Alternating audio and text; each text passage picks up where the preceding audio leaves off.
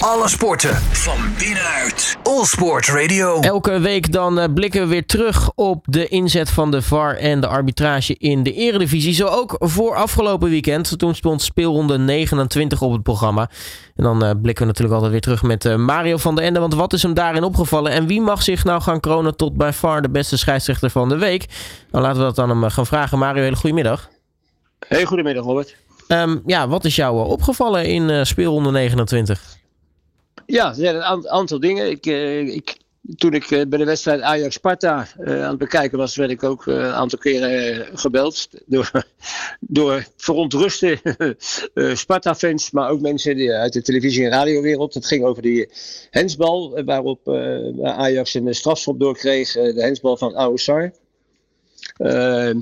die stond in de muur en Tadic die nam die vrije schop.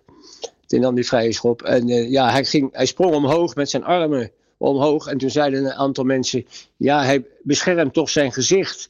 Ja, dat is een regel uit de, uit de 50, 60 jaren volgens mij. Want dat, die, die, regel, die, heb ik zelfs toen ik floot uh, nog ineens uh, toegepast. Maar goed, hij sprong dus omhoog. Ik kreeg die bal tegen zijn, uh, zijn onderarm aan. En, of tenminste onder zijn arm.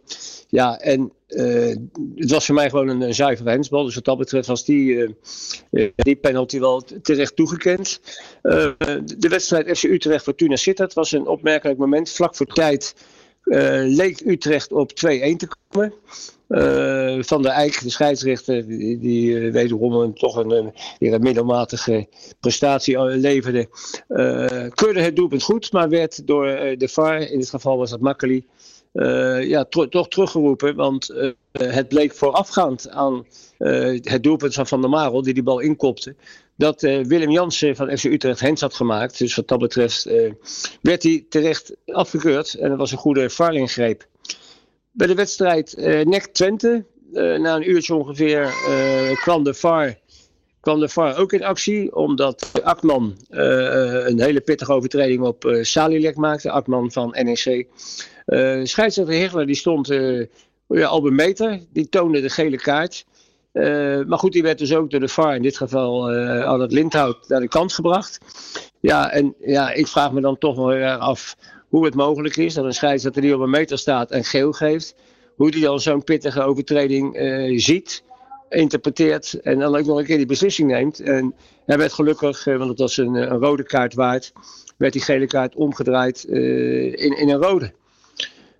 Gisteren een aantal wedstrijden ook nog even zitten bekijken, waaronder Vitesse Cambuur.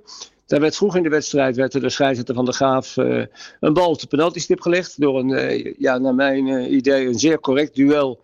Maar die werd ook door de VAR ingreep, werd die penalty in ieder geval teruggedraaid. Niet omdat de overtreding nog eens extra werd beoordeeld.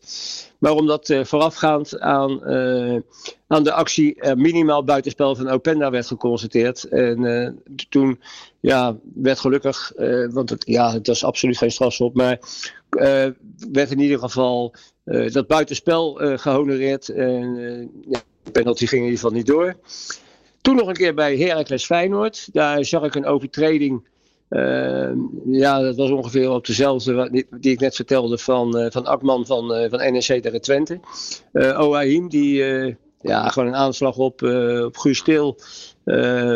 ja, het bandschot hield het slechts bij geel.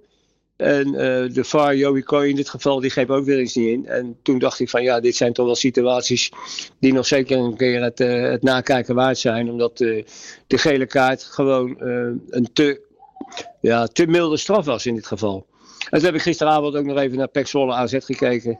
En dat, wat me daarop viel was er een 100% overtreding van PEC verdediger op Pafkes in het strafschopgebied. Die werd niet bestraft door de dienstdoende scheidsrechter Lindhout de VAR Dreugen in dit geval had ook niet het inzicht of het lef om uh, Lindhout hierop te attenderen. En bleef dit dus verder zonder gevolgen voor Pek Maar dat had zomaar een strafschop kunnen zijn.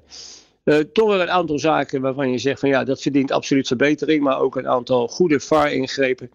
Dus wat dat betreft, ja, is de cirkel weer rond.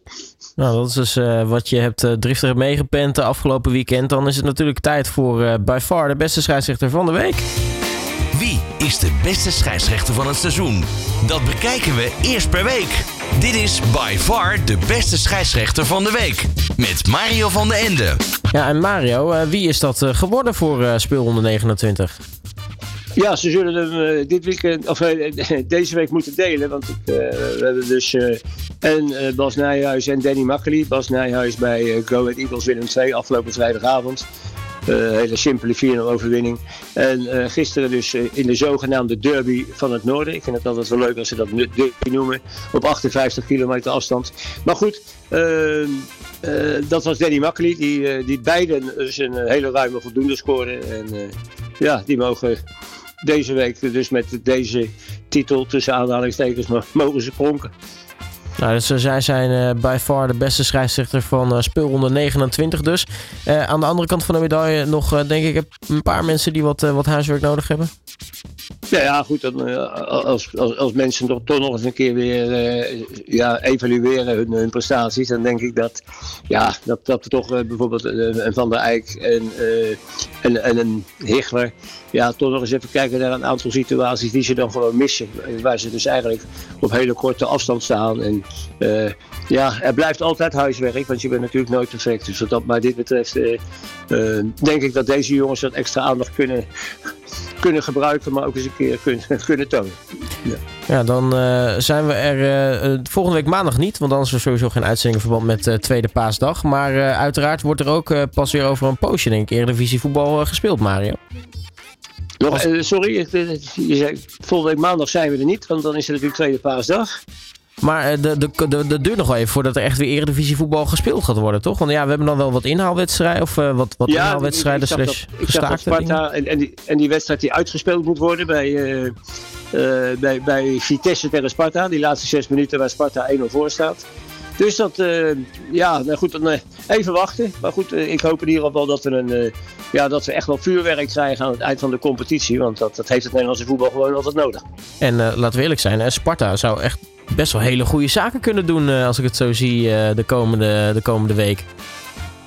Ja, maar uh, kijk, ik zag ook nog dat bijvoorbeeld een wedstrijd als Fortuna Sparta op, de, op het programma staat.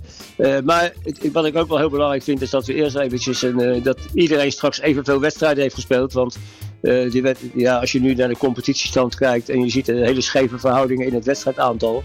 Ja, dat, dat, dat hoort natuurlijk niet. Kijk, er zijn natuurlijk uh, duidelijke redenen voor. Het is niet zo dat het allemaal onwil is.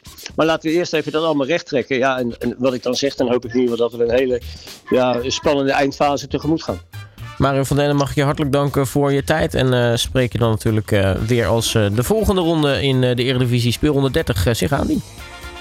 Uiteraard. Tot dan. Dit is by far de beste scheidsrechter van de week. All Sports Radio.